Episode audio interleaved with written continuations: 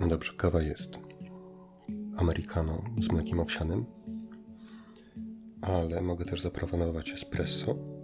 A jeżeli nie kawa, to jest jakiś zestaw herbat owocowych. Myślę, że każdy coś znajdzie. No dobra, to co, startujemy, nie? Los chętnego prowadzi, opornego wlecze siłą. To takie łacińskie przysłowie. Jest w nim zawarty jakiś zewnętrzny imperatyw. Jakaś siła wykraczająca poza naszą sprawczość. No skoro tak, jeśli to prawda, to czym ona jest? No i idąc dalej, kim my jesteśmy w całej tej układance? Dzień dobry. Nazywam się Adam Kamiński i witam Was serdecznie w podcaście Wystarczająco Dobry Człowiek.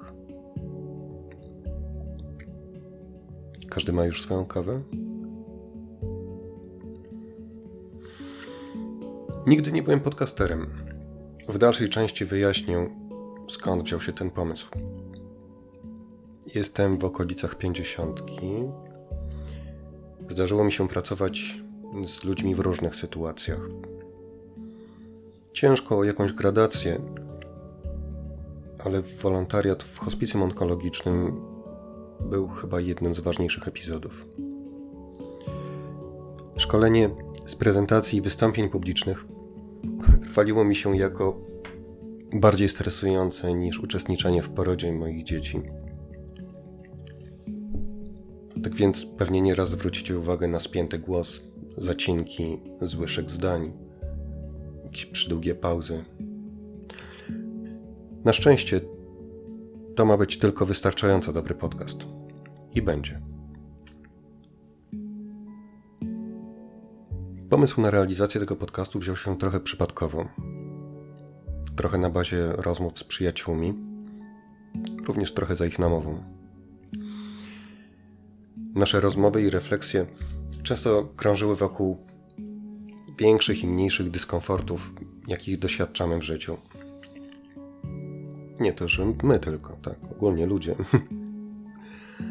Chodziło mi po głowie znalezienie takiej formuły, która pozwoliłaby się przyjrzeć tym pineskom i gwoździom, które wbijają się w nasze tyłki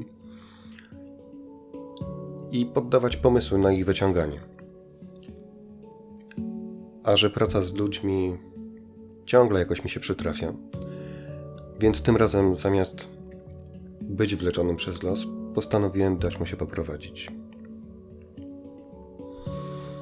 Idea wystarczająco dobrego człowieka jest taka, aby zapraszać gości, którzy mają do powiedzenia coś wartościowego. Mam na myśli specjalistów, osoby z doświadczeniem życiowym i zawodowym i z sercem do tego, co robią. Myślę o tym podcaście jako o miejscu, w którym będzie przestrzeń na całkiem obszerne spektrum naszych doświadczeń. Będziemy mówić o radości, o intymności, czasem o umieraniu, niekoniecznie zgodnie z konwenansem. Ale głównie będziemy mówić o życiu, o jego najbardziej wartościowych odsłonach. To trochę zabrzmiało tak, jakby umieranie nie było częścią życia. Hmm. Oczywiście, że jest, ale do tego dojdziemy. Za moment jeszcze dopowiem kilka słów na temat samego podcastu, ale teraz potrzebowałbym zdefiniować wystarczająco dobrego człowieka. No dobrze. To kim jest wystarczająco dobry człowiek? Zapewne każdy z Was będzie miał swoją definicję. Zapewne każdy z Was będzie się jakoś przymierzał do tego. Dla mnie wystarczająco dobry to człowiek, który się stara dostrzegający pineski, drzazgi, gwoździe w swoim ciele i w duszy i wkładający wysiłek w poprawienie swojego życia. We własnym tempie, ale w jasno określonym kierunku. no i tak, żeby przy okazji nie szkodzić innym, a może wręcz poprawiać. To już brzmi jak ideał. W słowie wystarczająco zaszyta jest dla mnie również informacja, że nie zawsze, że bez fanatyzmu. Profesor Osiatyński powiedział: Wstać rano, zrobić przedziałek i się odpieprzyć od siebie. To brzmi jak dobra poranna praktyka. Zostało słowo człowiek. Z definicji istota niedoskonała, ale posiadająca potencjał i wolną wolę. No i tu zapauzuję. Tak więc, wystarczająco dobry człowiek to współtowarzyszenie, a czasem zachęcanie do podróży do lepszej wersji siebie. I we własnym tempie, i bez ciśnienia. Będziemy przyglądać się temu, co nas uwiera, ale bardziej z miejsca szukania rozwiązania, aniżeli użalania się. Będzie to również przestrzeń na mówienie o naszych marzeniach, o szczęściu, o miłości. Nie tylko z perspektywy psychologii, bo ona nie wszędzie może dosięgnąć. No i też nie zawsze odnosząc się do badań naukowych, bo nauka również nie wszędzie sięga. Będziemy patrzeć na człowieka z różnych perspektyw, używając różnych zmysłów. Zachodnia kultura promuje rozum. Zdecydowanie dobrze go mieć. Ale żadna dyktatura nie jest dobra. Dlatego w podcaście będziemy odnosić się również do skarbnicy wiedzy, jakimi są nasze serce i ciało. Na teraz to może brzmieć nieco ekscentrycznie, dziwacznie, czy może new age'owo, ale w kolejnych odcinkach to się będzie klarować. Stąd właśnie pomysł, aby gośćmi wystarczająco dobrego człowieka byli nie tylko specjaliści z głównego nurtu, ale również przedstawiciele niszowych w naszej kulturze poglądów na to, kim jest człowiek. Weźmy na przykład mity. Ale nie tak jak pamiętamy je z podstawówki, kiedy czytaliśmy je w tłumaczeniu Jana Barandowskiego, gdzie w naszej dziecięcej świadomości były to opowieści o perypetiach bogów. Ja może, żeby nie kaleczyć definicji mitu, posłużę się cytatem Josepha Campbella. To nieżyjący już amerykański mitoznawca i religioznawca. Mity są metaforami duchowych mocy człowieka, a te same moce, które przenikają nasze życie, przenikają też życie wszechświata. Ale są też mity i bogowie powiązani z poszczególnymi społecznościami lub bóstwami opiekuńczymi danej społeczności. Innymi słowy, istnieją dwa całkowicie różne porządki mitologiczne. Jeden wiąże cię z Twoją własną naturą i ze światem przyrody, którego jesteś częścią. Druga mitologia jest ściśle socjologiczna. Wiąże cię z określoną społecznością. Bo przecież nie jesteś po prostu człowiekiem naturalnym, ale członkiem konkretnej grupy. Ten cytat pochodzi z książki Potęga mitu w tłumaczeniu Iryną Szakani. To jest jedna z możliwych definicji. Tych definicji jest mnóstwo. Natomiast tę osobiście bardzo lubię, bo umieszcza człowieka jako część natury, a nie jak mamy w zwyczaju myśleć o sobie i jak to również przedstawia religia katolicka, być jej panami. Tak więc jedną z funkcji mitu jest pokazywanie możliwych ścieżek. Również pokazywanie, że, że byli przed nami tacy, którzy je przeszli, jakie problemy napotykali, krocząc po nich, co im dawało siłę, nadzieję, no i finalnie dokąd ich to zawiodło. Mniej więcej w tym miejscu domyka nam się opis tego podcastu.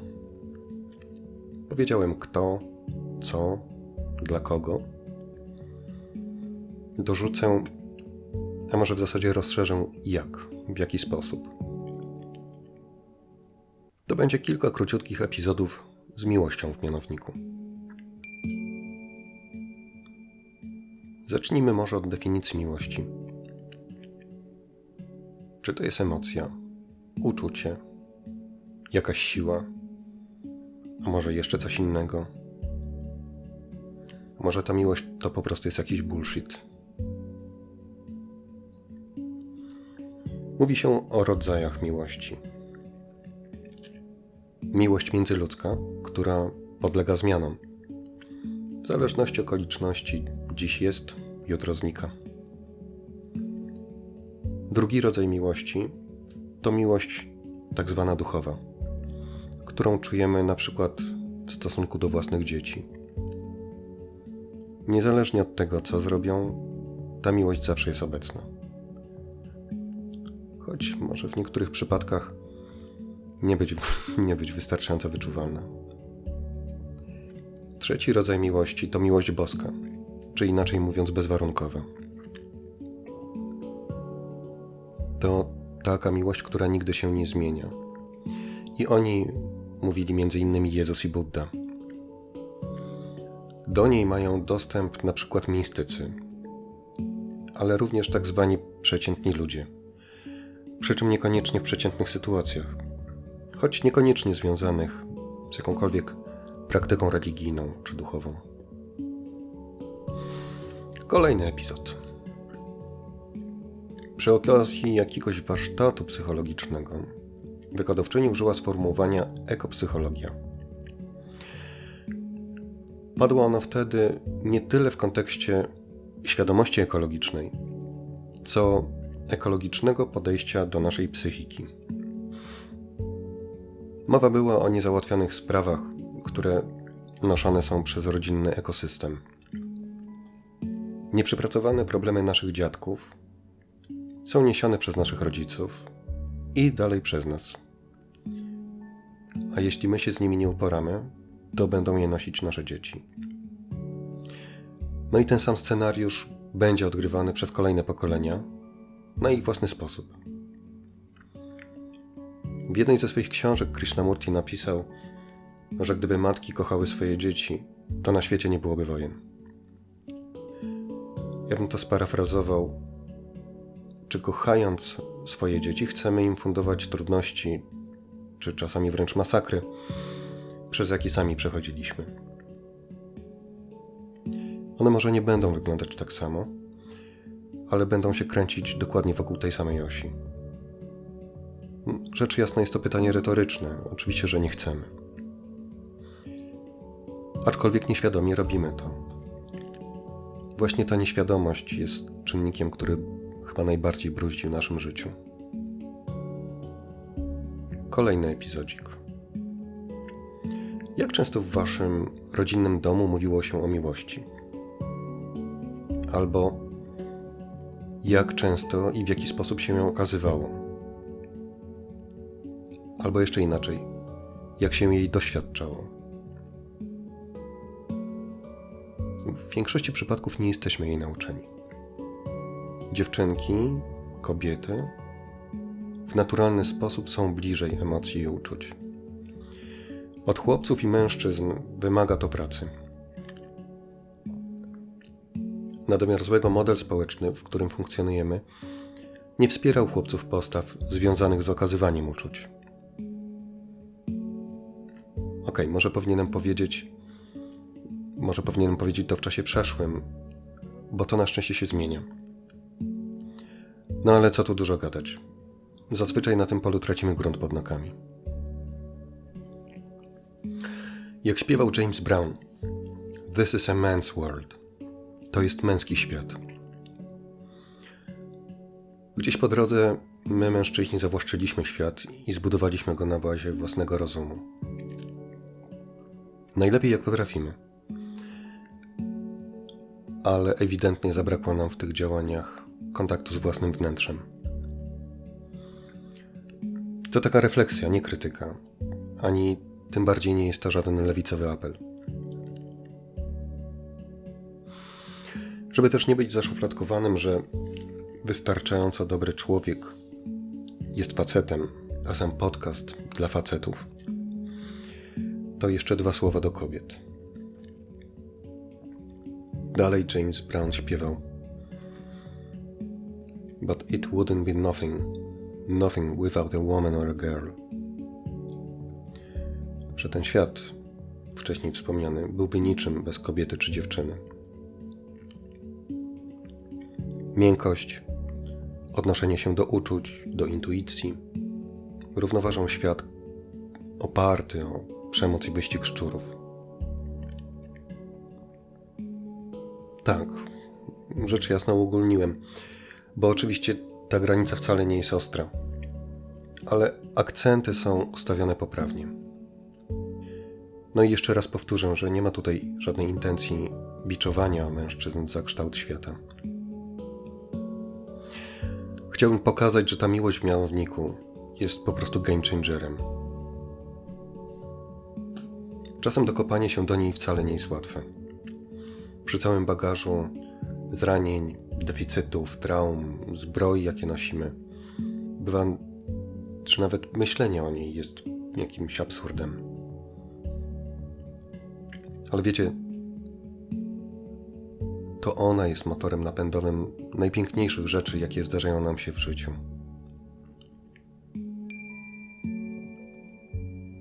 No dobra. Taki oto papierek lakmusowy nam wyszedł. A przy okazji niewielki manifest. Czy to dobrze? Tak. Tak sądzę. Mógłbym miękko wprowadzać Was w przestrzeń tego podcastu. Powolutku zaskarbiać Wasze zaufanie, ale mam poczucie, że, że ten czas, który mamy, jest po prostu zbyt cenny, aby tracić go na takie zabiegi. Jeszcze krótko na temat samej formuły podcastu. Dążę do tego, aby słyszeć się z Wami co dwa tygodnie. Każde nagranie to będzie ważne spotkanie z Wami. Do większości odcinków, o ile nie do wszystkich, będę chciał zapraszać gości. Zależy mi na stworzeniu czegoś w rodzaju wspólnoty, chociaż może to za duże słowo. Grupy ludzi, która połączona jest podobnym systemem wartości, czy może sposobem postrzegania świata. No i tak już z boku zupełnie. Nie reprezentuje żadnej siły politycznej, ani religijnej, ani sekty. Nie promuję jakiegoś jednego punktu widzenia, ani też nie uwziąłem się na żaden inny. Wyrażam jedynie własne opinie. Już na samo zakończenie. Jakiś czas temu, myśląc o tym podcaście, gdzieś pomiędzy jawą a snem, wiecie, tam gdzie rzeczywistość rozciąga się świat nierealny, przyszła do mnie taka myśl, że ona literalnie przyszła w ten sposób, że najpiękniejsze rzeczy wydarzają się w środowisku naturalnym. I potem tak sobie rozważałem, co to jest to środowisko naturalne. No i to jest takie dla mnie, w którym czujemy się na miejscu, działamy w harmonii, zgodnie z prawami natury. To taka przestrzeń, w której jest miejsce na wszystkie nasze uczucia i emocje, gdzie bez skrępowania można się wyrażać. I nie chodzi tu o brzydkie wyrazy. Więc teraz już tak na sam, sam koniec. Życzę nam wszystkim jak najczęstszego przebywania w naszym środowisku naturalnym i wydarzenia się w naturalny sposób. Wszystkiego dobrego. Pa!